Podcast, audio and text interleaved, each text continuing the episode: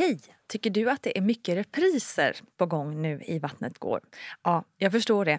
Det beror helt enkelt på att jag, Nina Campioni, just nu har en pop-up second hand i Modgallerian i Stockholm. Så min tid räcker helt enkelt inte tid att göra så många avsnitt som jag hade önskat. Men tills jag är tillbaka på full tid, kom gärna och hälsa på mig i Modgallerian. Vi ses! Jag bar ganska mycket grejer, jag tränade mycket. Jag var ute och sprang samma dag som jag blev inlagd. Mm. Eh, till och plötsligt blev helt sängliggande. Eh, och också den konstanta oron och så här, så fort du känner någon skillnad, säg till. Mm. Det var verkligen, ja, det var det värsta jag varit med om mm. ever. God dagen kära lyssnare. Jag hoppas att du mår riktigt fint Välkommen ska du vara till podden Vattnet går med mig Nina Campioni. Graviditet, förlossningar och sånt där står på schemat och denna veckan ska vi snacka lite extra om chocken som kommer på att bli förälder lite för tidigt. Alltså att ens barn kommer före utsatt datum och surprise! Men innan dess så vill jag passa på att slå ett slag för mammagruppen på Facebook där vi är ett bra gäng föräldrar eller blivande sådana som hjälps åt kring lite allt möjligt. Allt från förlossningstips till vad 17 man gör med sina små barn som vägrar äta, sova, bajsa, ja allt. Supergrupp helt enkelt. Kom dit vet jag. Nu över till veckans gäst som är Amanda Koldén. Och Amanda känner många av er säkert igen genom poddar som Alla våra ligg och nu senast podden Föräldrarapporten. För så kan det också gå när man blir förälder. Man blir så pass påverkad på så många olika sätt att man helt enkelt får starta en podd om det. Och precis så var det ju också för mig. Mitt trauma ledde till den här podden som du lyssnar på just nu. Så kan det gå. Inte något ont som inte har något gott med sig och så vidare. Okej hörni, nu kör vi igång. Välkommen Amanda Koldén och som så ofta så har vi också barnmorskan Gudrun Pascal med oss på ett härligt hörn. Nu kör vi!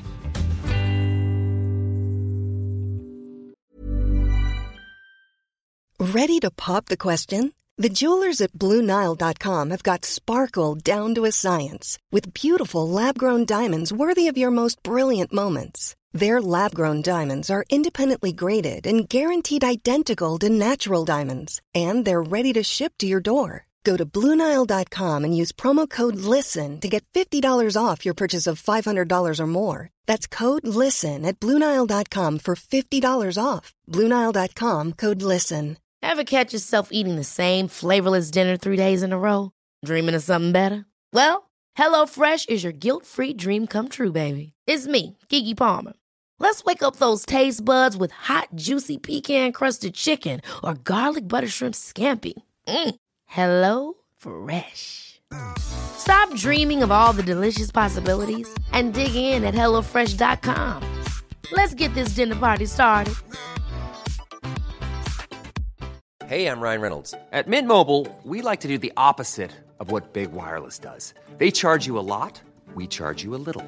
So naturally, when they announced they'd be raising their prices due to inflation, we decided to deflate our prices due to not hating you.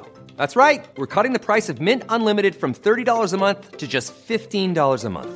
Give it a try at mintmobile.com slash switch. $45 up front for three months plus taxes and fees. Promo for new customers for limited time. Unlimited more than 40 gigabytes per month. Slows. Full terms at mintmobile.com. Life is full of awesome what ifs, and some not so much, like unexpected medical costs. That's why United Healthcare provides Health Protector Guard fixed indemnity insurance plans to supplement your primary plan and help manage out of pocket costs. Learn more at uh1.com. Hur var din ingång till det här med liksom föräldraskapet och graviditet och allting? Vad var dina tankar innan, innan allt det här började? Om man ska sammanfatta det lite kort, så typ ett nödvändigt ont. eh, jag har aldrig riktigt haft någon barnlängtan, men så här, och typ låtsas vara lite cool och bara, jag vet inte om jag vill ha barn, men det. det var väl typ en tonåring i mig som pratade. Mm. Eh, men jag har inte varit... Får jag också, förlåt flika in, Absolut. kan det också vara en liten feministisk grej? Ja, Ja, att precis. säga så. Och samtidigt så blir det liksom ganska ofeministiskt i sig för ja. att det är att se ner på en väldigt ja. kvinnlig grej. Ja, Men jag, verkligen. Lite snedriktad feminism kanske. För jag var lite likadan. Att det kändes lite tufft. Exakt. Att det inte vara men vet du Min vad, största dröm är inte att ha barn. Exakt, uh, precis. Jag har mer aspirationer i livet. Ja, typ. verkligen. intressant. Mm.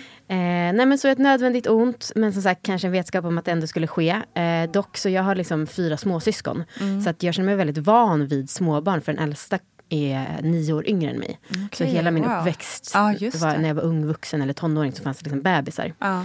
Gjorde Eh. det, förlåt om jag avbröt, gjorde det att du, nu förstår jag att du inte längtar efter barn, men hade du ändå någon bild av att en familj ska vara, ska jag ha barn så ska det ändå bli många barn? Eller vill det tvärtom? Nej, ingen riktig tanke om många eller få Nej, faktiskt. Men sen träffade jag min kille och han var väldigt tydlig med, alltså han har alltid velat ha barn, inte så att han längtat men det har varit en självklarhet för honom. Eh, och sen så det som fick mig att faktiskt tänka att oj vi måste börja försöka, det var att jag hörde om en bekant som var runt 35 och hade av någon anledning kollat upp typ hur många ägg hon hade kvar. Och det hade visat sig att det var ganska brådis för henne.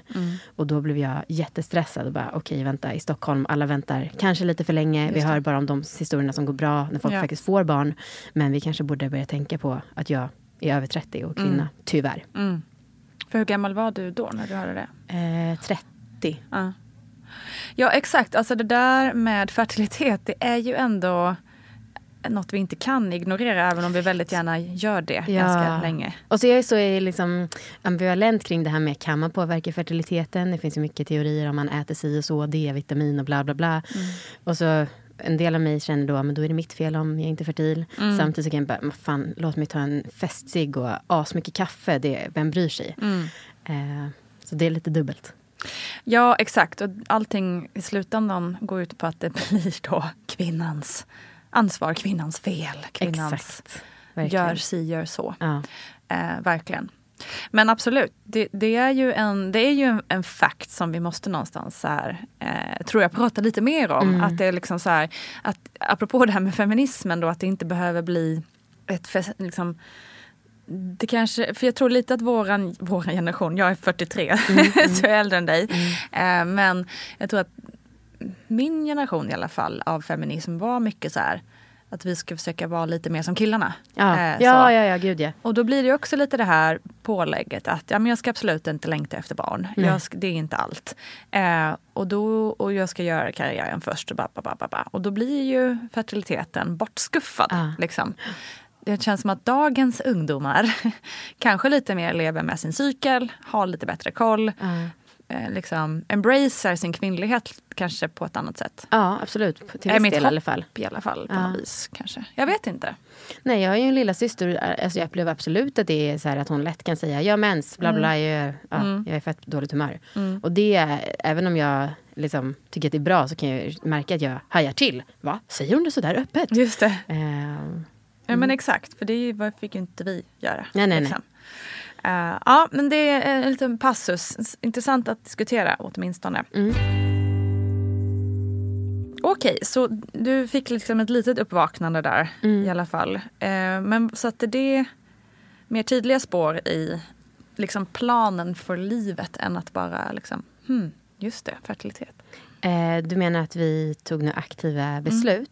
Ja, jag tror att vi pratade om det här som sagt precis innan jag fyllde 30 och sen så var vi så ja, men efter sommaren då så tar vi ut spiralen och eh, jag vet inte om vi sa vi ser vad som händer eller vi börjar försöka. Eh, men jag, eftersom att jag då hade haft den här podden Allvar och tyvärr på något sätt fått veta ganska mycket om kvinnokroppen så var det skitsvårt för mig att ignorera. Okej, nu kommer ägglossningssekret. Och då inte tänka vi vill ha barn, då borde vi ligga. Det gick liksom inte. Så att bara efter någon cykel så blev jag helt nästan besatt av att försöka tajma liggen. Och liksom så. Och jag tror att vi båda var väl ganska självsäkra. Men det kommer gå fort. Viktor hade gjort en annan tjej med barn för några år sedan. Och min mamma har alltid sagt till mig att hon har blivit gravid så fort en kille har varit i närheten av henne. Så jag bara, "Ja, men jag är väl också så här superfertil, vad nu det är. Ehm, men så tog det ju mer än ett år. Och vi ställde oss i kö till IVF. Okej. Och det eh, var inte alls det som jag hade velat eller tänkt. Men, men Vad gjorde hela den eh, tiden av alla liksom, månad efter månad med dig? Eller med er? Ja, alltså det är så lätt att förvränga i efterhand. Ehm, men det var men lite upp och ner. först var det jobbigt. Va? Det har gått tre månader och har inte tagit sig. Mm. Sen var det liksom lite lättare. Så tänkte jag men det är bra, vi ska ändå på liksom det där superbröllopet om några månader. Ehm, men sen så börjar det ju bli lite jobbigt igen och också så här att genomgå en IVF. Alltså jag önskar inte att jag hade de tankarna men det var också så här en identitetskris. Va? Ska jag, Amanda, göra en IVF? Eh, och nu slapp jag ju alla hormonbehandlingar för att när vi hade ställt oss i kö så tog det sig den ägglossningen. Mm, Wow. Så, alltså jag fattar inte. Vad- tror du? Är det det här med att man slappnar av? Det Den där där jävla skiten som man blir så galen på. Det där är ju så jävla provocerande att säga. Samtidigt så finns det ju viss expertis som faktiskt menar på att det, Ja. att det kan hjälpa. Um, och man kan ju också förstå i det här liksom att man liksom bara som en sån här enkel grej, vad, vad, ska man jämföra det med? Att man spänner sig så, du vet det här när, man, när det är kallt. Ja. Man spänner sig i axlarna, drar upp dem, då fryser man mer. Medan slappnar man av så Just man inte lika Ja, mycket. ja. Alltså det finns ju lite här grejer i kroppen, stress, Absolut. spänningar, det blockerar vissa saker. Mm. Så är det ju bara. Men, att, liksom att, men det kan man ju inte säga till någon som, Nej. som försöker få barn, bara slappna av. Nej, jag Alltså, är liksom redan nu. Och sen så hör man ju också de här historierna. Så, ja, men första tog jättelång tid och andra gick nästan för fort. Exakt. Och då är, har jag liksom redan det i åtanke. Exakt. Så då håller jag redan på att stressa upp mig själv Ja. inför ett eventuellt till försök. Just det. Åh, Ja precis, för det finns ju många berättelser där man har faktiskt gjort IVF, fått barn där och, och, och liksom satt stämpel på sig själv att jag är, jag är infertil, jag kan inte få barn av mig själv. Eh, och sen nästa barn så kommer det eh, på, på, med posten. Ja, Liksom. ja. Ehm, så att man vet fan inte. Det är eh, en svår balansgång kring hur man ska prata om det där. Hoppas vi får veta under vår livstid vad det är som... Det vore kul. påverkar. Det vore kul om någon kunde lägga lite mer pengar på forskning kring kvinnokroppen. Mm. Tack. Thank you very much. Okej, så ni ställde er i kö för IVF och så plötsligt hände det. Ja, Mm. precis. Hur kände du då? Ja men då blev jag jätte, jätte, jätteglad. Eh, och ehm, jag jämför mig väldigt mycket. Mm. Jag hade en kompis som eh, inte alls hade försökt länge. Eh, men som jag bara, alltså jag, jag hade också så bra gravidradar. Jag bara, den är gravid, den är gravid. Och jag hade typ hela tiden rätt. Och sen så när hon sa någonting, hon hade blivit lite sjuk typ. Eh, då så eh, kände jag i hela kroppen, jag bara, hon är gravid. Och så jag hade, alltså jag tyckte det var så jobbigt. Jag gick ut och sprang och liksom ringde massa kompisar. Och också jag hade varit ganska öppen med min, att vi försökte. Vilket också kändes så här, skulle alla tycka synd om mig? Jag gillar när folk tycker synd om mig men ändå inte kanske på det sättet. Ja. Ehm, men då så, och just eftersom att jag hade hört talas så mycket om så här tecken på graviditet så fick jag en pytteliten sån blödning och jag bara shit, tänk om det här skulle vara. Om jag väntar i två timmar och ser om det är mensen som har kommit eller om det är. Och så tog jag ett test och så märkte jag att oj, strecket börjar liksom Ja. komma fram. Jag bara nej, nej, nej, nej, nej, nej, nej. Så gick jag ut och gosade med min katt. Satte en klocka på två minuter för min kille var bortrest. Okej. Eh, och så gick jag tillbaka och bara, det är ett litet streck. Det är otydligt, men det är där. Ja. Eh, ja. Och så blev jag jätte, jätteglad. Ja. Firade med alkoholfri öl. Fan vad härligt. Ja. Ja. Hur berättade du för din kille då? Jo, jag hade önskat att jag var cool och kunde hålla mig tills han kom hem. Men det kunde jag inte. Han var i Skåne. Så jag skrev ett sms, typ ring mig efter jobbet. Och så frågade jag, ja, hur har din dag varit? Bla, bla, bla. Jag spelade faktiskt in det här samtalet, poddare som jag är. Ehm, och så han bara, ja, men den var bra. Och sen så, nu ska jag göra det här och det här. Och jag bara, okej, men du, ehm, sitter du ner? Han bara, ja, vadå då? Jag bara, för du ska bli pappa. Va? Är det sant? Ja. Och jag, jag gråter så mycket så jag orkar liksom inte förklara det här så ingående för jag är så trött på att jag gråter hela tiden. Men vi blev jätte, jätteglada och jätte, jätterörda. Verkligen. Gud vad underbart. Mm. Ja, fantastiskt. Och vad hände sen då med liksom, då, då, jag fattar ju också att du inser att, eh, att den här original inställningen att jag vet inte om jag vill ha barn, den var liksom, hade flugit all världens väg. Ja. Eller, eller hur gick känslorna där sen när det verkligen var så här, okej jag ska bli förälder. Ja men jag tyckte väl Ja, men för de månader när vi försökte, då kände jag så här, om alla grejer som jag vanligtvis tycker om. Så här, gå på fest, alltså vara ute på middagar, alla de väldigt, väldigt sådana utan barn stereotypiska grejerna. Eh, det kände jag att jag började bli lite trött på och läng- längta efter och längta till. Eh, och det tyckte jag typ var det som jag såg fram mest med att få barn. Ehm, men absolut att jag visste såklart att vi skulle behålla det. Men sen så, som många grejer i livet när man får en kick eller blir jätteglad. Ja, det la sig efter någon dag. Och sen så tänkte inte jag så mycket mer på det för det märktes inte på något sätt. Och liksom, Livet så. fortsatte Ja, runt omkring en ändå. Liksom. det gör ju det. Mm. Hur mådde du då rent eh, fysiskt? Så jävla bra. Ja, härligt! alltså inte att jag liksom kände att eh, hormonerna boostade mig på något sätt. Men det märktes typ inte att jag var gravid. Eh, jag, jag kräktes några gånger men det kom så här pl- plötsligt. Eh, men jag hade inte så ont. Eh, mådde inte så illa. Liksom var inte särskilt trött. Eh, så jag hade världens lättaste graviditet typ fram till vecka 30.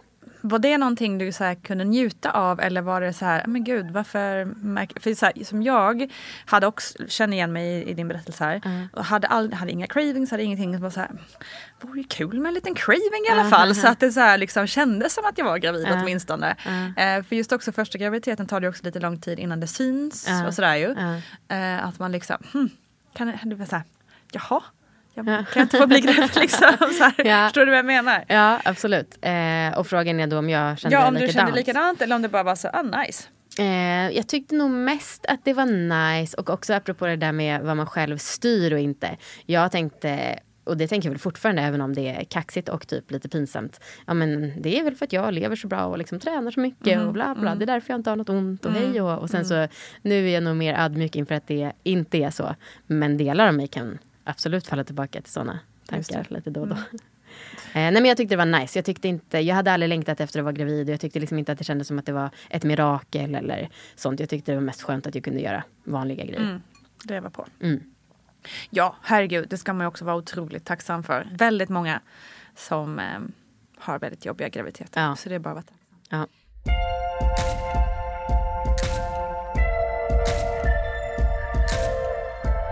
Du, vad hände då vecka 30? Då hade jag haft en så otroligt stressig period. Mm. Vi höll på att avsluta Allvar Ligg, spela in så här 20 avsnitt på typ en vecka. Jävlar. jag höll på att starta en restaurang som jag hade mm, börjat med lite sommaren innan. Och det var faktiskt en grej, ett projekt för att sysselsätta mig med tankarna på inte, att vi inte fick barn. Eh, så jag hade så här svinmycket att göra och visste att jag hade en form av en, en deadline med form av en förlossning. Vad var det för, förlåt, vad var det för restaurang? Det, absolut. Det, är- gud, det här är mm, en knäpp historia. Men min pappa har ett släktarv på Stora Essingen. Så han har massa hus nere vid vattnet. Wow, Eh, vad tråkigt för Ja, er. det är jättetråkigt. Men det är helt otroligt faktiskt. Så det är jättefina hus. Eh, men man kan bara komma dit via båt eller en lång trappa. För att våra förfäder trodde att bil var en fluga. Så att jag Ja, ja. startade Ja. där, sålde glass och kaffe till båtar första året. Och sen året då Hedda kom så hade vi alkoholstånd och mat också. Wow, vad härligt. Finns den kvar nu? Eh, vi kommer göra lite pop-ups i sommar. Mysigt. Ja, jättekul Mm. faktiskt. Alla som bor i Stockholm. Exakt, glassbryggen på Instagram. Ehm, men ja, vecka 30 då så började, var jag svinstressad eh, verkligen och liksom tyckte också att det var så eh, jobbigt för alla sa ju så här, du är gravid, du borde ta det lugnt. Det. Och det var ju av välmening men också ganska irriterande att höra. Mm. Vad skulle jag göra? Jag ville inte lägga ner min restaurang. Alltså jag kunde inte sluta jobba helt och hållet. Eh, så det var liksom bara ett alternativ och det var att köra på tills dess att jag hade avsatt tid för att vila upp mig. Mm.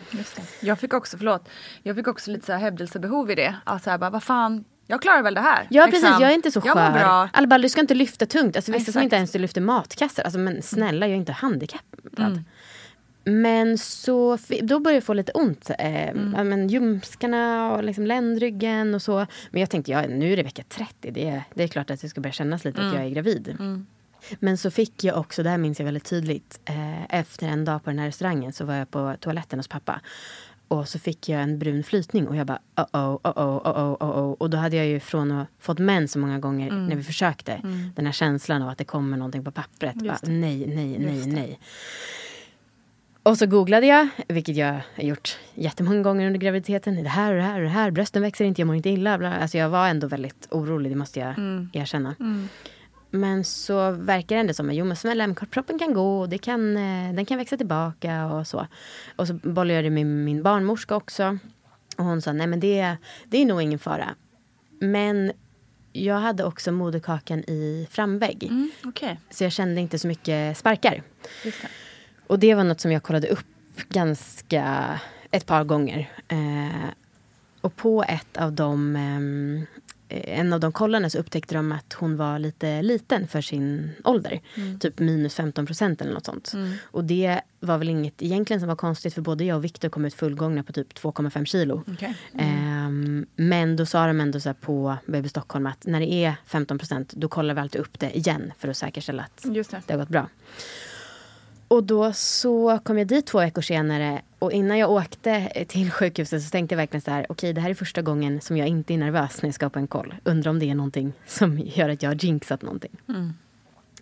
Eh, och så kom jag dit och eh, jag skulle iväg på ett lunchmöte var tanken. Men så märker jag hur läkaren håller på ganska mycket. Liksom, och jag ser också på skärmen eh, uppskattad ålder. Och då var den typ mindre än det hade varit två veckor tidigare. Som om hon i princip hade minskat i storlek. Eh, och jag bara, vänta det här känns inte bra. Hon höll på, ringde in någon kollega, de pratade läkarspråk. Men jag bara kände i hela kroppen, det här, någonting är liksom fel. Och plötsligt så mätte de henne till 40 tillväxthämmad. Oj. Vilket ju var mycket. Eh, och så berättade jag om att jag hade haft ont och de här bruna flytningarna så de gjorde en gynundersökning vilket visade sig vara att förlossningen hade börjat starta. Det jag hade känt var alltså inte foglossning utan förverkar.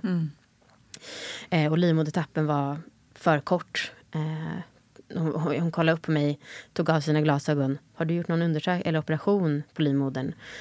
Eh, nej, sa jag. Och liksom, okej vänta om hon frågar det här, det, här, det är inte bra. Nej. Så hon sa typ att ja, men du, har du en partner, jag tycker att vi ringer honom. Och ehm, som tur var så svarade han, för han brukar aldrig svara i telefon när han är på jobbet. Eh, och så sa hon massa saker som nu är, alltså jag kommer typ inte ihåg någonting. Men så vet jag att de kollar på mig och avslutar med att så här, och det i kombination med det här gör att jag tycker att du ska läggas in. Och jag bara, va? Läggas in? Ehm, det fanns liksom inte i min världsbild. Nej. Och sen så gick allting väldigt fort. Det kom in en sköterska, de topsade mig i näsan för det var ju corona. Jag fick liksom en kortisonspruta för att påskynda barnets lungutveckling. Eh, och så fick, eller blev jag uppledd till ett rum där uppe på förlossningen. Och, och där sa de så här, gå inte så fort, så här, det kan påverka, det kan göra att barnet kommer. Och nu liksom förstår jag det att de trodde att barnet skulle kunna komma om några timmar. helst, ja, liksom. och jag var så här, ja, men bara hon håller, det här var kanske vecka 31 plus någonting. Eh, bara hon håller sig till vecka 36 så är Just jag, det. Är jag nöjd. Och läkaren bara, du jag tror nog inte hon kommer, hon kommer nog inte stanna kvar Nej. så länge tills dess. Alltså du hade liksom i din tankevärld så var du med nu ska jag bli inlagd och så ska jag vara här i några veckor kanske. Eller ja, liksom, eller inte ens några veckor. Någon dag. Jag vet, Ja, alltså, ja. jag vet inte vad jag tänkte. Jag tänkte både allt och inget. Och liksom så. Och just det, då ska jag säga, då hade jag väldigt, väldigt ont. Mm. Och så fort de satte in verkstoppande dropp så bara ah, lättnade i hela kroppen. Det var verkligen sån tydlig skillnad. Mm. Ehm, så låg jag där i tre dygn, vilket kändes som två år. Mm. Eh, kontroller hela tiden, mer kortison för att påskynda lungutvecklingen. Och sen var det också så himla mycket så här, okej ta inte på magen för att det, kan, det ger oxytocin, det kan sätta igång förlossningen. Här får du ett kit för att få igång eh, bröstproduktion eller mjölkproduktionen. Men du får inte öva på det tekniskt för om du börjar röra vid brösten kan det också sätta igång Just produktionen. Eh, någon sa till och med kramas inte med din kille för det kan också, så det var så fruktansvärt. Och sen Mm. så var det någon som kom in och bara, du jag såg när du gick till frukostrummet, du går lite för fort. Sitt inte på huk. Alltså det var så sjukt. Mm. Och från att ha varit så superaktiv, jag bar ganska mycket grejer, jag tränade mycket, jag var ute och sprang samma dag som jag blev inlagd. Mm. Eh, till och plötsligt blev helt sängliggande. Eh, och också den konstanta oron och så här, så fort du känner någon skillnad, säg till. Mm. Det var verkligen, ja det var det värsta jag varit med om Mm. ever. Ehm, Så deras plan var då liksom att försöka stoppa upp det här så mycket som möjligt? precis, eller? varje Mm. dag, varje timme i magen var Räknas, liksom. positiv. Ja. Mm. Och sen, så, men så ville de inte heller kolla på livmodertappen för mycket för även det kunde vara Mm. någonting som retade och höll på. Ehm, men hon verkade må bra och liksom hjärtat slog fint. Och, så efter tre dagar så fick jag mm, välja om jag ville fortsätta vara inlagd eller om jag ville åka hem. Och då valde jag att åka hem. För jag kände att sjukhusmiljön bara gjorde mig sjuk och deprimerad. Mm. Ehm, men så var det ändå så, jag tror jag åkte hem på en fredag eller någonting. Okej, du kom hit imorgon och kollade över CTG och och så, så var jag inne där på lördagen igen och sen så på, blev det koll på måndagen igen eller någonting sånt. Och då var det CTG igen men så hade livmodertappen liksom förkortats någon millimeter. Och då så sa de så här igen, du får välja liksom. Eh, antingen så lägger vi in dig igen eller så får du åka hem.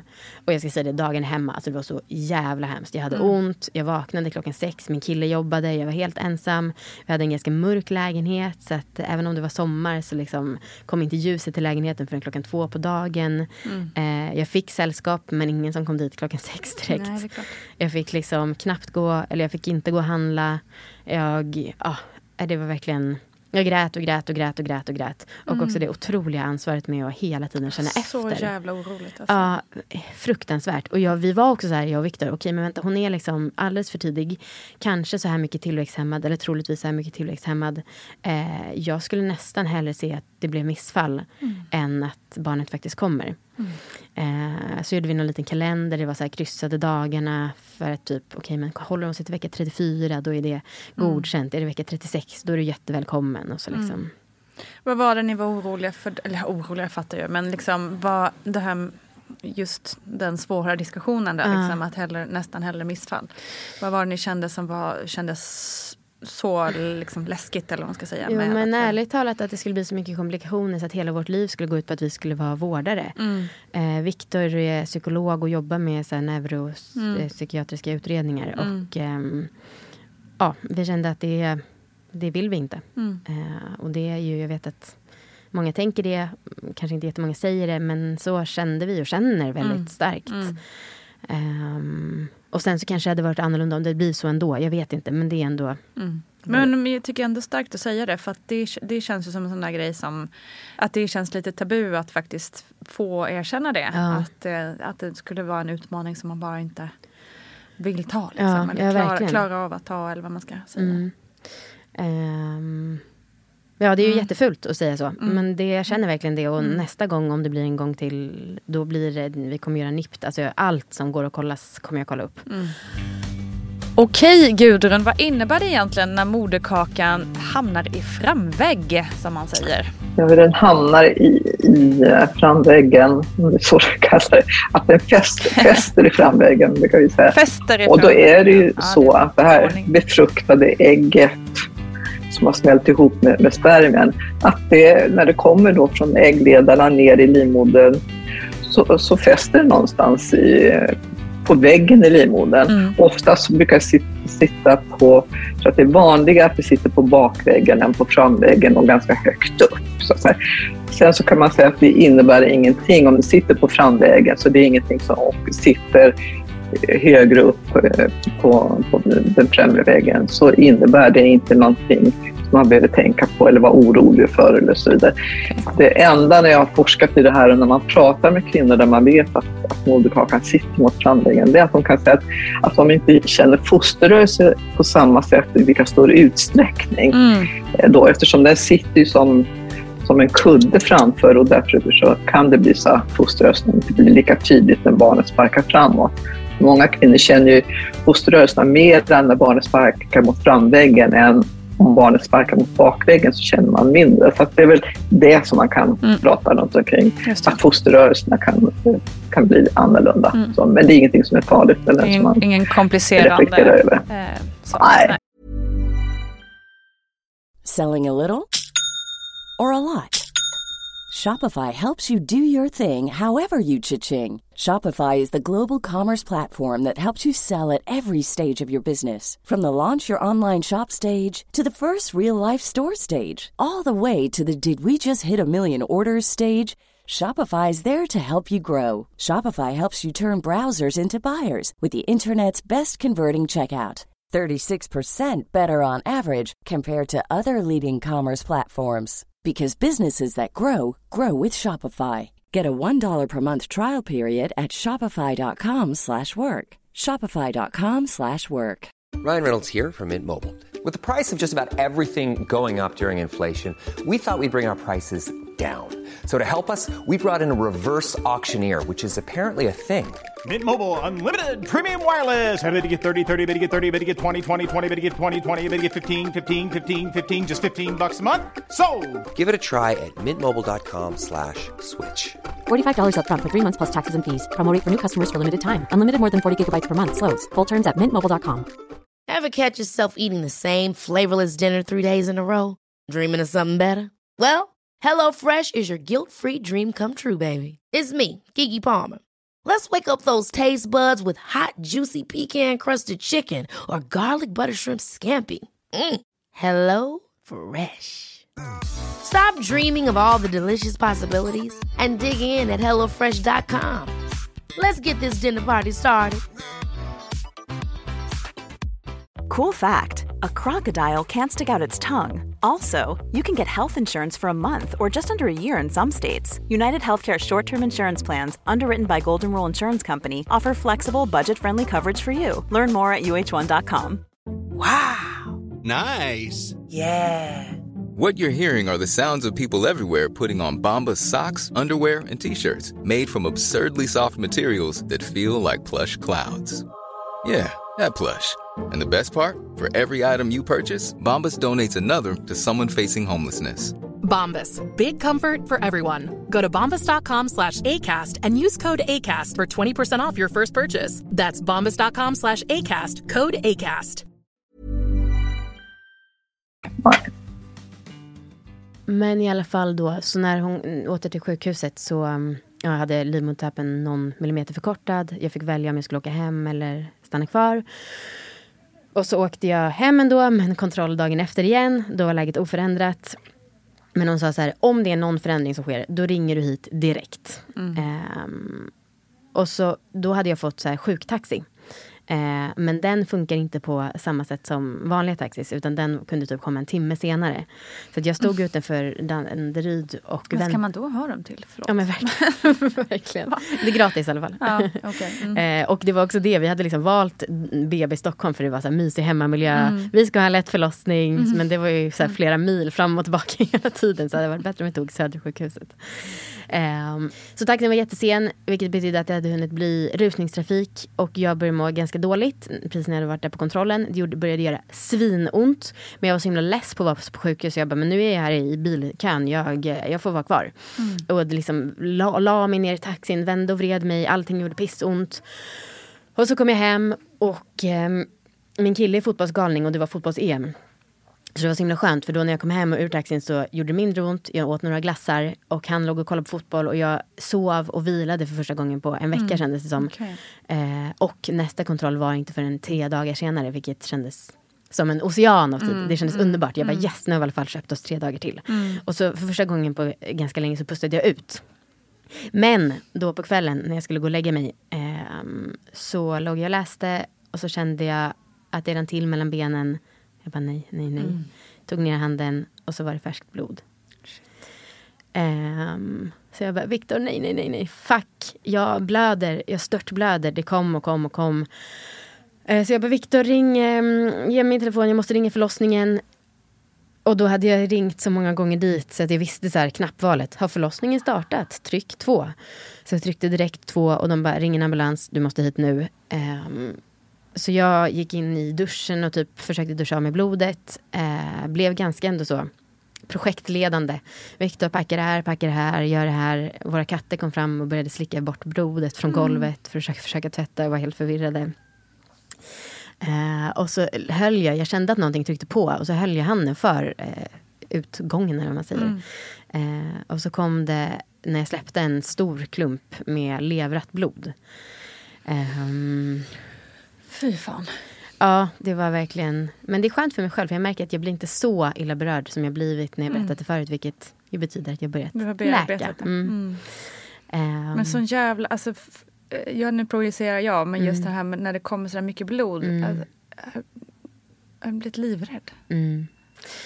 Mm. Eh, Men du gick in i någon slags försvarsprojekt? Ja, eller bara så fixa det här, liksom. fixa det här. Eh, mm. Jag är väldigt glad för den här serien Exit, den norska serien. Den kom några veckor senare, ett avsnitt när en kvinna började blöda typ i samma vecka som jag och då mm. hade fostret dött. Så jag är så glad att jag inte hade sett det innan.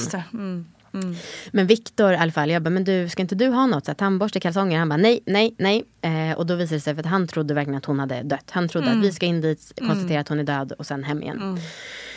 Eh, men så kom ambulansen och då när jag väl la mig på bristen, eh, britsen, då alltså jag skakade mm. så mycket, all adrenalin. Mm. Jag kunde liksom, jag, jag, jag, jag heter mamma, mamma, alltså det var helt galet. Eh, och sen så körde de till eh, sjukhuset då och jag tänkte verkligen så här, shit vilken respekt jag kommer ha för ambulanser framöver. Eh, och liksom rullas in genom den här speciella gången där ingen bil får parkera. Så himla film, filmiskt mm. på något sätt. Um, och så kom vi dit och så jättegullig personal som det alltid hade varit. Även om de aldrig sa sånt som jag ville höra. mm. um, men så gjorde de en gynundersökning och direkt så här, nej men hon lever. Det ser bra ut. Det är ingenting är förändrat. Mm. Och det här var som sagt på kvällen, nästan på natten. Så jag bara, men vad händer nu?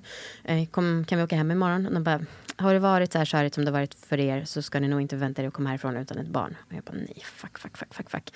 För vi ville verkligen inte att hon skulle komma. Mm.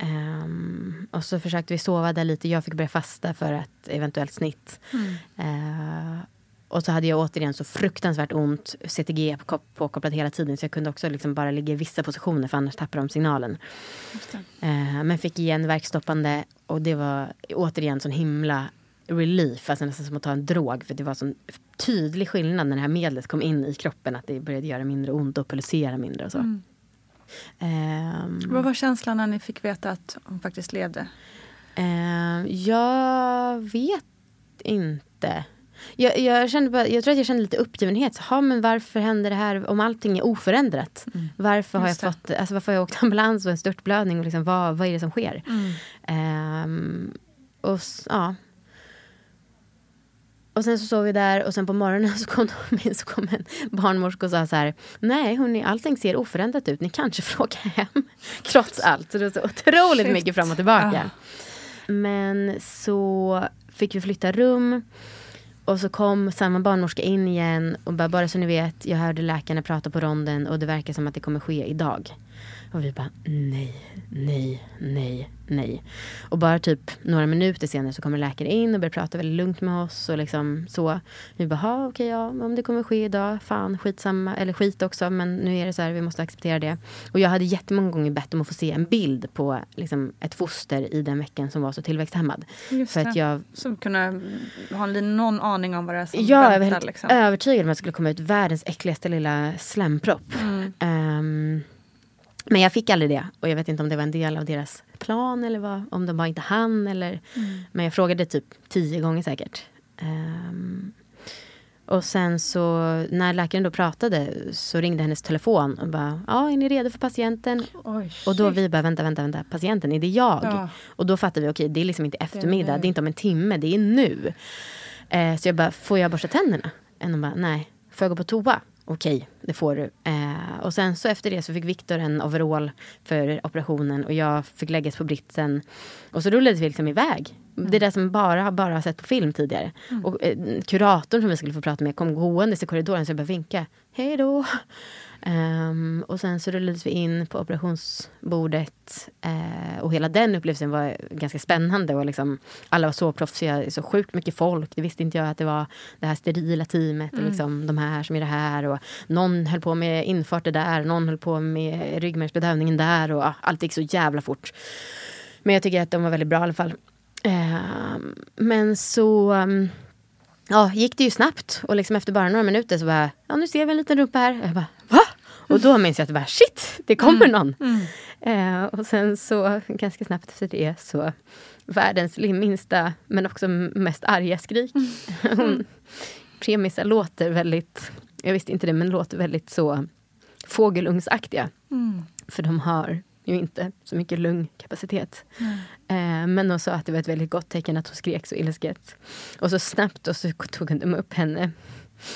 Eh, och så fick jag se henne och så tyckte jag ändå att hon såg lite normal ut. Då mm. blev jag så himla lättad.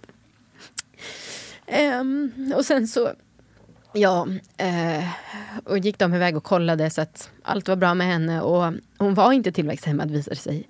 De hade, okay. Hon hade legat så konstigt så att det hade varit svårt att mäta. Mm. Okay. Um, och det var ju sån sjuk lättnad. Så visst, hon var superliten, 42 centimeter och 1,9 kilo. Men ändå inte 1,1 kilo som Nej, hade varit en jättestor skillnad. Mm. Uh, ja, så då så första dygnet tror jag ändå, då var jag typ ganska lyrisk. Och liksom, shit hon är här, allting har gått bra och liksom, vi är föräldrar. um, Och det tycker jag är så sjukt nu, men då så hon fick ligga liksom på barn-IVA, eller vad man ska säga, på eh, neonatalen. Och då fick hon ligga ensam där i en liten säng och vi var liksom uppe på BB och jag tyckte det var asoft. Hej då bebis! um, men nu är det ju helt sjukt att vi känns det jättekonstigt att vi lämnade henne ensam hennes första dag i livet. Mm. Men det var så det var och jag tror inte att jag hade kunnat göra på något annat sätt. Um, men sen så som sagt jätteglad första dagen där. Men de kommande veckorna var liksom, ja det var hemskt. Mm.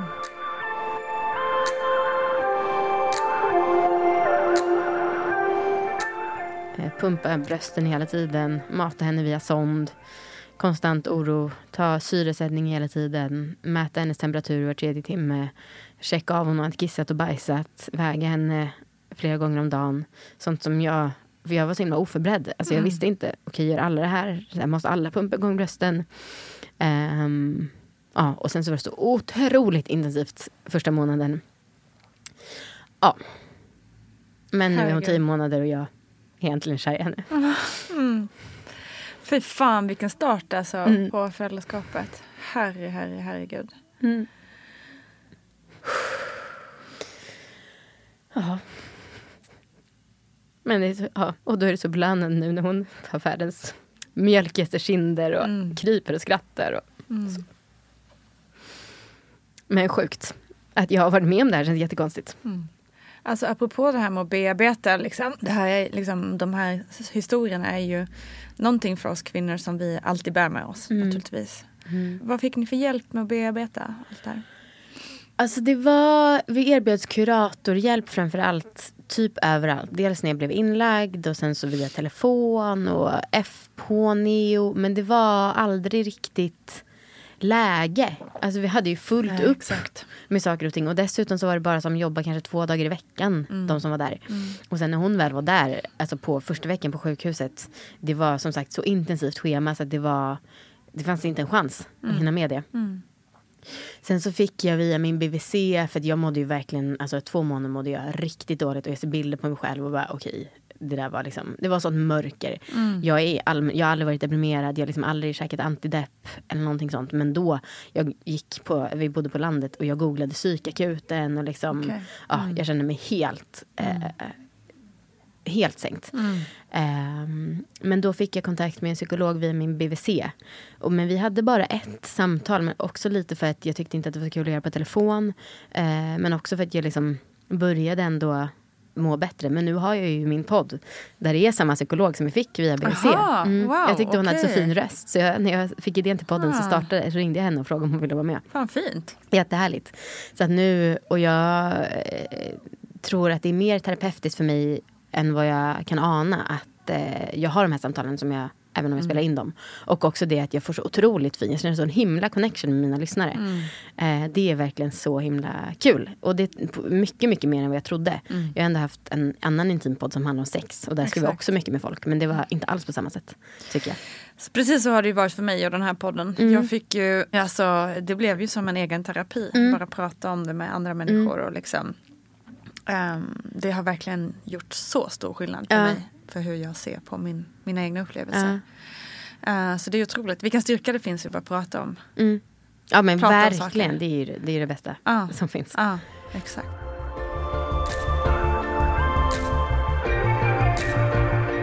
Hur... Um, Alltså för, nu, för nu, ni har ändå varit med om två utmanande saker. Dels liksom hela liksom att det tog, tog lite tid. Mm, det mm. kan ju vara jobbigt för en relation. Mm. Och sen det här, hur har ni vårdat relationen i det? Um, alltså jag, vi har ju, jag typ Victor, vi har ett väldigt bra förhållande. Eh, jag tycker verkligen det. Eh, och sen så, Victor är som sagt psykolog.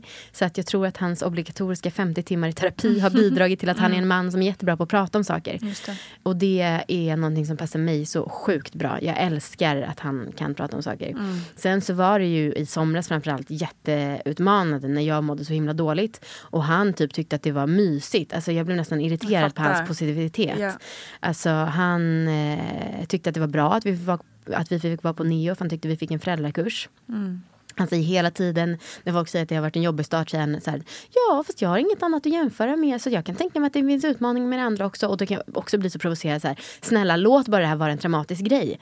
Eh, och sen så tyckte han det var fotbolls-EM, det var OS. Han gick upp med Hedda klockan fyra på morgonen, satt och liksom hade henne hud mot hud och satt och kollade på sport. Tyckte att livet var toppen. ja, alltså, ja. och det, är ju, det hade ju aldrig pallat att han hade brutit ihop på samma sätt som jag. Men jag har många gånger, alltså känt att han förminskar mm, min upplevelse. Mm. Um. och det, det, fatt, det fattar jag verkligen. Och jag fattar också att partnern i det här eh, omöjligt också kan upp, uppleva det vi kvinnor som har fött upplever. Ja. Med allt, allt hormon och all, mm. allt det traumatiska som, mm. som bara äter upp en mm. inombords. Liksom. Mm. Det är ju någonting som tyvärr är svårt att också beskriva för någon ja. annan. Liksom. Ja precis och det tror jag, det är jag ändå glad för. Det tror jag blir lite mer ödmjuk inför. Att så här, men saker man inte själv har genomgått kan man omöjligen förstå. Och det har också mm. varit en sorg att kompisar aldrig kommer kunna relatera till det som jag har varit med om. Eh, men framförallt det som har varit jobbigt tycker jag som varit inte går att göra jämställt, det var ju det här med amningen. Mm. Och just det att jag var tvungen att pumpa så mycket. Mm. Alltså jag tror att var tredje timme, även på natten, så fick jag stå där fastkedjad till en sån här elektrisk pump mm. i en kvart för att få igång mjölkproduktionen. Och sen så varje gång hon vaknade, och det är ju fullgångna bebisar också, bara hänga vid bröstet precis hela tiden. Mm. Eh, och som sagt, jag hade kanske nu hoppas jag att nästa gång att jag kan uppskatta det. Alltså, okay, men det är så här två månader. Jag håller aldrig på serier annars. Nu njuter jag av att göra det. Men då kunde jag absolut inte göra det. Jag ville bara komma igång och röra mig. Jag ville inte sitta i soffan.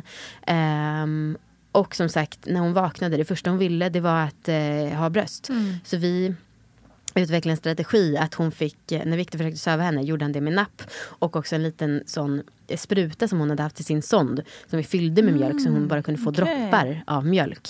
Ah. Eh, för att liksom känna sig trygg att det var, fanns mjölk i närheten. Det. det. funkar ganska bra ofta. Ah. Men alltid när vi lämnade hemmet bara, var har du sprutan med mjölk? För det, det. Ja.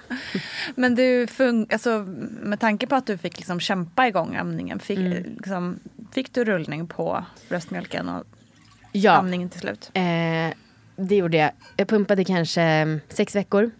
Wow. Ja, eller tack. Wow. Tack Nina. Det var så hemskt. Ah. det är helt otroligt. Ja, men det var också där, jag, liksom, alltså, jag var ju inne i en psykos. Mm. Eh, och det var inget alternativ. Och även ibland så kunde jag säga, men vänta, är det här verkligen rimligt? Och liksom, alla säger ändå, eller Agnes Wold säger i alla fall att ersättning funkar precis lika bra. Eh, men det var ändå att, alltså, jag blev så uppmuntrad och det blev mm. liksom som att det var det enda alternativet. Mm. Och jag vet också att Viktor sa så här, men jag tror att just för prematurer är det faktiskt extra viktigt med bröstmjölk. Men sen hade vi också amningsnapp ganska länge, vilket just otroligt struligt. Mm. Hela tiden behöva tvätta och skölja och allt vad det var. Det hade vi kanske i tre månader, nej, två månader. Mm. Eh, men jag, nu funkar amningen kanon. Jag har varit jätteless på det, jag har hatat det, alltså jag har varit arg. Eh, men sen någon månad nu när hon kryper fram och tar tag som en hamburgare och liksom snuttar, då är det ju skitroligt. Mm. Eh, och sen så är jag har varit lite i valet och kvalet. Så nattamning, vi har försökt sluta, vi har börjat igen. Eh, I natt var en jättejobbig natt när jag pratade med Viktor bara på natten. Du, nattamningen är slut från och med imorgon. um, Men så just nu tycker jag att det är mysigt för snuttandet och framförallt för att äntligen visar hon lite uppskattning. Ser brösten börjar sprattla och skratta. då blir man ju väldigt glad. Och liksom, ja, men, det gjorde Essie också, min dotter. Ja, ja men då okej okay, du älskar det här, tack för att du visade det, varsågod här får du. Mm. Um. Jag kan tänka mig också att det blir en grej när man är i en sån situation som ni var med Neo och liksom, liksom man har trott att barnet liksom inte ska överleva och så vidare. Att man, man, vill, väl, man vill bara göra det, det man kan ja, för att det ska liksom, bli bra och minsta lilla gram liksom, ja, man exakt. kan ge. Alltså ibland, på någon vecka var det så på kartan, för jag hade också hemsjukvård ett tag, eh, att vi skulle väga henne efter varje amning för att se om hon hade kunnat gå upp fem gram. Ja men gud, då blir det ju, då blir det ju en, en, någonting som sätter sig. Men är, alltså, jag är och var hjärntvättad ju. Mm. Mm. Eh, det var också så här att eh, om hon skrek jag tänker så här, men barn skriker. Men som prematur, det var jätteviktigt att hon inte gjorde det för att hon brände kalorier. Oh, så så fort hon började skrika var det nästan så här, men jag måste komma med ah, brösten för att hon inte ska skrika bort kalorier. Hjälp, okej. Okay. Ja. Oh, jag blir så glad. Det känns som att du förstår Nina och det känns men, så skönt alltså, att få alltså, förståelse. Verkligen, det är ju en otrolig mm. gärning du har gjort alltså. Mm. Ja, alltså vilken jä vilket jävla jobb. Ja. Tack. Fy fan. Mm. Sjukt alltså. Mm. Otroligt. Mm. Otroligt välkämpat.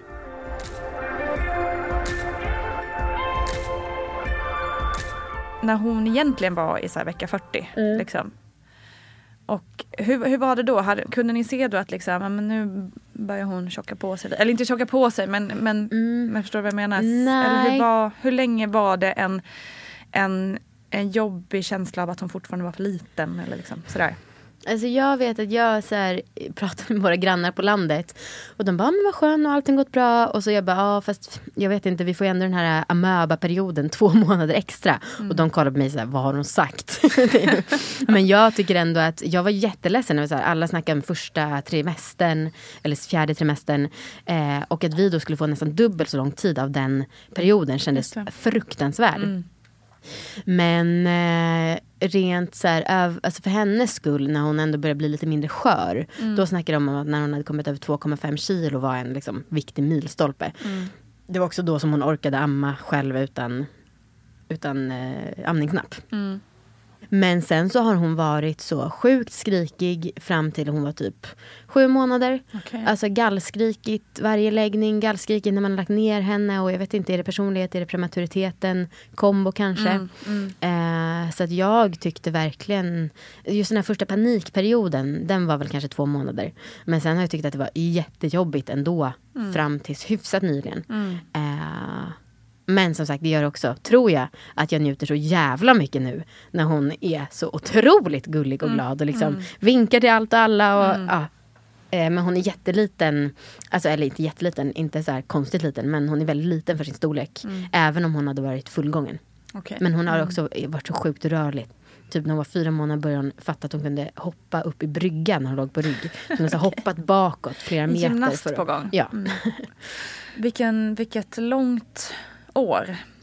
Jättelångt år. Mm. Och äntligen är det slut. Mm. Och så måste jag börja tänka på ett eventuellt syskon. Ja, Fy fan. Hur går tankarna kring det? Nej, jag vet inte. Ehm, jag har sagt att uh, Hedda får bli två år. Och sen gärna att det får gå en sommar också så jag kan dricka vin och Mm. götta mig. Mm. Och sen så får vi väl tyvärr börja försöka. Men jag är inte peppad. Nej, jag förstår det. Men jag vet ändå Men- att vi vill ha ett Ja, syskon. ni vill det. Ni Ja. vill, det, det känner ni ändå liksom? Ja, alltså mycket egoistiska perspektiv. Så här, möjligheten till att ha barnbarn. Alltså när vi blir äldre, ha en, en liten flock. Mm. Eh, Hedda, så att hon slipper vara ensam Mm. med oss. Så att hon har en kompis som kan gadda ihop sig mot oss. Och Mm. liksom, så, så att det känns ändå som någonting jag bara får, jag måste bita i det sura äpplet. Eh, men du som typ nyligen är urkommen i småbarnsåren. det, mm, det är fantastiskt. Ja, du ser helt strålande och fräsch ut och ska flytta till Italien. Det är faktiskt helt fantastiskt. Jag känner absolut en viss sorg, kommer man nog göra hela livet, att det Mm. inte blev fler. Mm. Det ville gärna- du ha fler? Ja, Okej. absolut. Jag hade någon dröm om alltså stor familj. Mm. En liten klan. Mm. Liksom. Eh, men nu är det också bara så herregud. Som i lördags. Eh, nu var jag själv i helgen med bara ett barn Mm. dessutom. Så det var ju bara walk in the park. Eh, men då vaknade jag en timme före min dotter vaknade. Klock- Uff. så jag vaknade klockan åtta, hon sov till strax efter nio.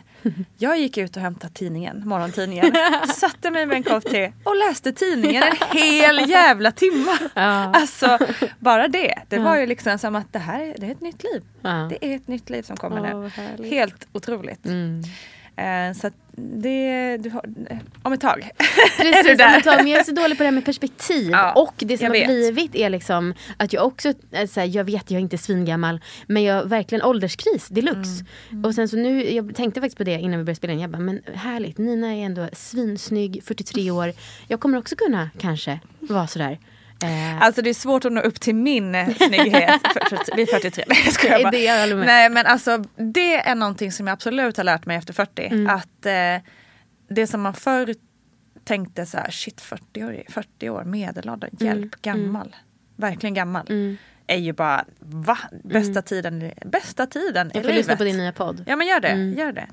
Det är verkligen bäst. Jag tycker att det är så mycket som har blivit härligare efter 40. Mm. Framförallt Bra. ett inre lugn. Liksom. Ja, och det, det kan jag nog eh, förstå. Men en sak som jag in, tycker är jobbig, alltså det är så här, folk snackar ja men det är bara några år. Fast fem år är kanske fem procent av mitt liv. Det är ganska mycket procentuellt sett. Men det som, är, det som jag tyckte var jobbigast med, att, med första barnet Mm. var ju att allting kändes som det här kommer vara för evigt. Ja, exakt. Varenda, liten fa, varenda jobbig fas Ja. framförallt då var ju så här shit, jaha, nu är det så här det ska Ja. vara i livet.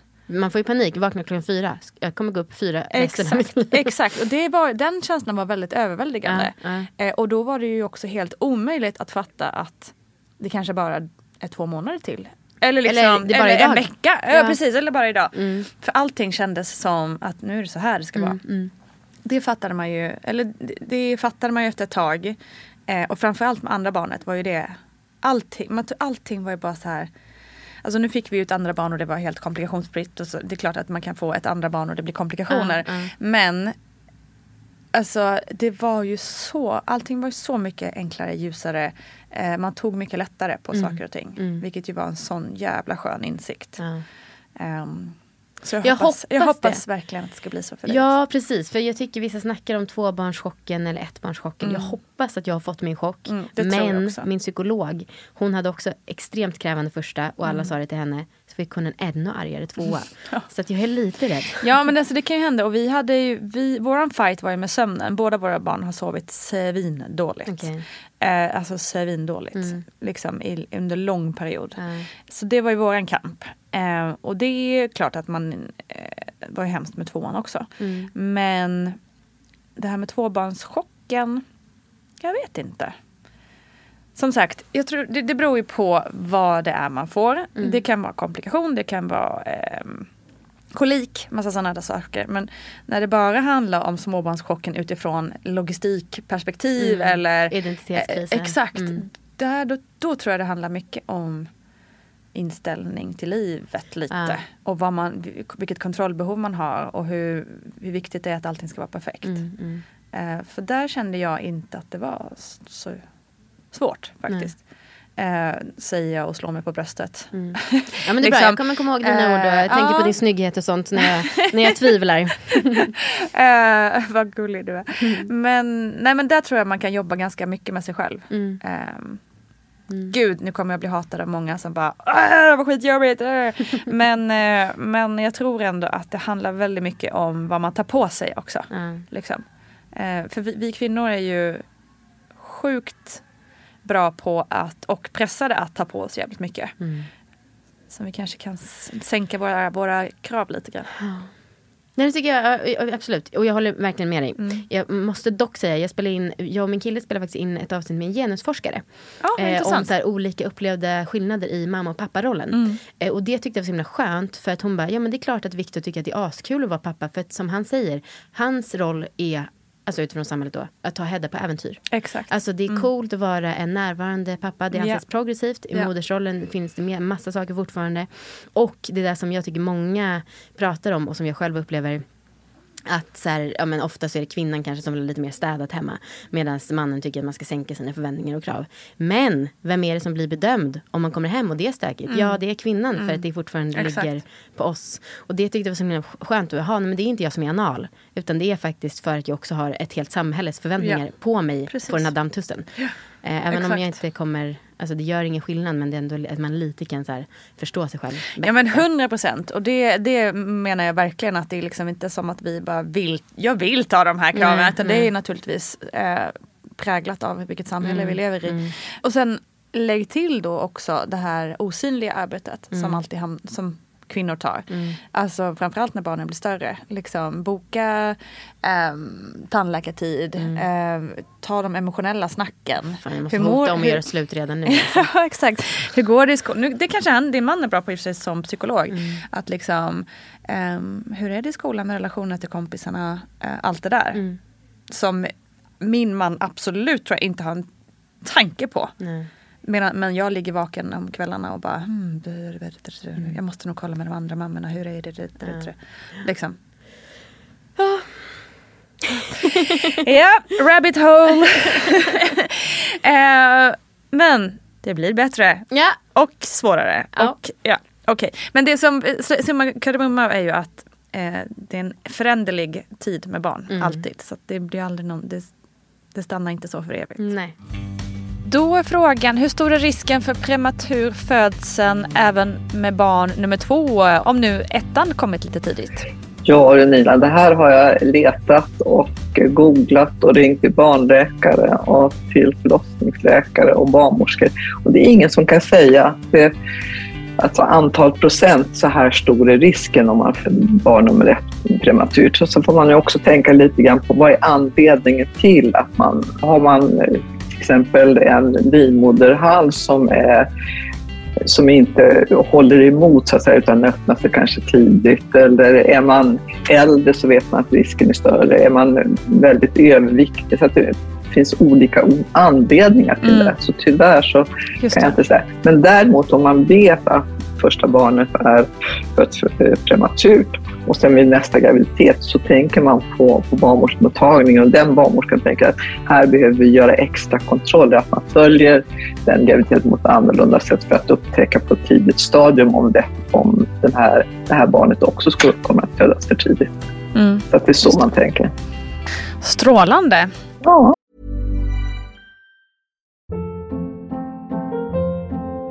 Hold up. What was that? Boring. No flavor. That was as bad as those leftovers you ate all week. Kiki Palmer here, and it's time to say hello to something fresh and guilt-free. Hello Fresh. Jazz up dinner with pecan-crusted chicken or garlic butter shrimp scampi. Now that's music to my mouth. Hello Fresh. Let's get this dinner party started. Discover all the delicious possibilities at hellofresh.com.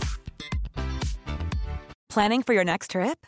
Elevate your travel style with Quince. Quince has all the jet setting essentials you'll want for your next getaway, like European linen, premium luggage options, buttery soft Italian leather bags, and so much more. And is all priced at 50 to 80% less than similar brands. Plus, Quince only works with factories that use safe and ethical manufacturing practices.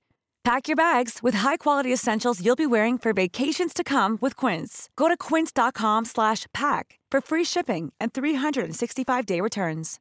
Imagine the softest sheets you've ever felt. Now imagine them getting even softer over time. That's what you'll feel with Bowl and Branch's organic cotton sheets. In a recent customer survey, 96% replied that Bowl and Branch sheets get softer with every wash. Start getting your best night's sleep in these sheets that get softer and softer for years to come. Try their sheets with a 30-night guarantee. Plus, get 15% off your first order at bowlandbranch.com. Code BUTTERY. Exclusions apply. See site for details.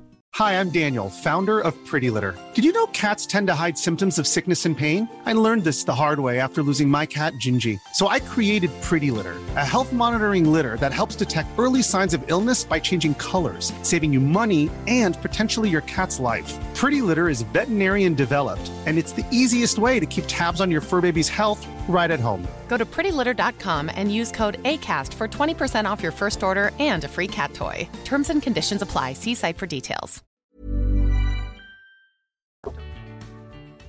Du, innan vi lägger på höll jag på att säga, vad vill du skicka med till dem som lyssnar och som kanske eh, ja, men blir ju lätt att bli nervös liksom, kring prematur och Mm. att det ska hända något och sådär. Ja. Ehm, ja. Nej, jag, jag har inget tips. alltså jag är själv livrädd för tyvärr så är det förhöjd risk att det sker en tillgång för oss. Man vet inte varför men det är det. Men eh, nej, jag vet inte. Det som jag kan säga som tips till kompisar då, om någon Mm. råkar ut för något liknande. Eh, det är väldigt konkret, men det är att så här, laga matlådor som man kan köra till de som är på NEO eller på sjukhuset eller vad det är. För att det finns bara tråkiga maskiner och eh, man måste ha mat och man får, det var corona så man skulle inte lämna sjukhusområdet så mycket. Men det är väldigt, en väldigt kärleksfull, enkel handledning. Och som jag tycker att många pratar om, oavsett vilken svår situation det är, dödsfall eller vad som helst. Våga ställa frågor. Mm. Alltså det tycker jag är ett sånt jäkla stort samhällsproblem att folk Mm. liksom Ja. Man ska inte lägga näsan i blöt. Nej, jo, lägg näsan i blöt. Ja. Det är omtanke. Ja. Eh, Och kanske också komma med de där matlådorna utan att fråga först. För det är, Exakt. ofta är man såhär, se till om jag kan göra Ja, något. ja, och det gör man ju inte. Nej. För vi är ju också svenskar. Så vi ställ, liksom, ställer ju sällan krav på våra vänner Ja. på det viset. jag försöker Eh, göra det men då bara- tycker alla att jag är dum. Ja exakt, då är man, åh gud, burdus. ja exakt. Nej men så gör de där matlådorna lådorna bara lämna av. Ja. Skriv en lapp, puss, Verkligen. kram. Vi älskar er. Exakt. Verkligen. Så Mm. det är väl typ de tipsen. Jättebra. Jätteviktiga. Mm. Vad kul det var att prata med dig. Jätteroligt att prata med dig. Tack, tack. för att du ville dela med dig av den viktiga berättelsen. Mm, tack. Stort, stort tack Amanda Koldén. Så fint att något som kan vara så jobbigt kan föra med sig så mycket fint till slut. Missa inte Amandas podd Föräldrarapporten. Här kommer det snart nytt avsnitt igen så vi, ja, vi hörs ju alldeles, alldeles strax. Kram på er. Vi ses på Insta och Facebook och allt sånt där också såklart. Ha det gott. Hej, hej!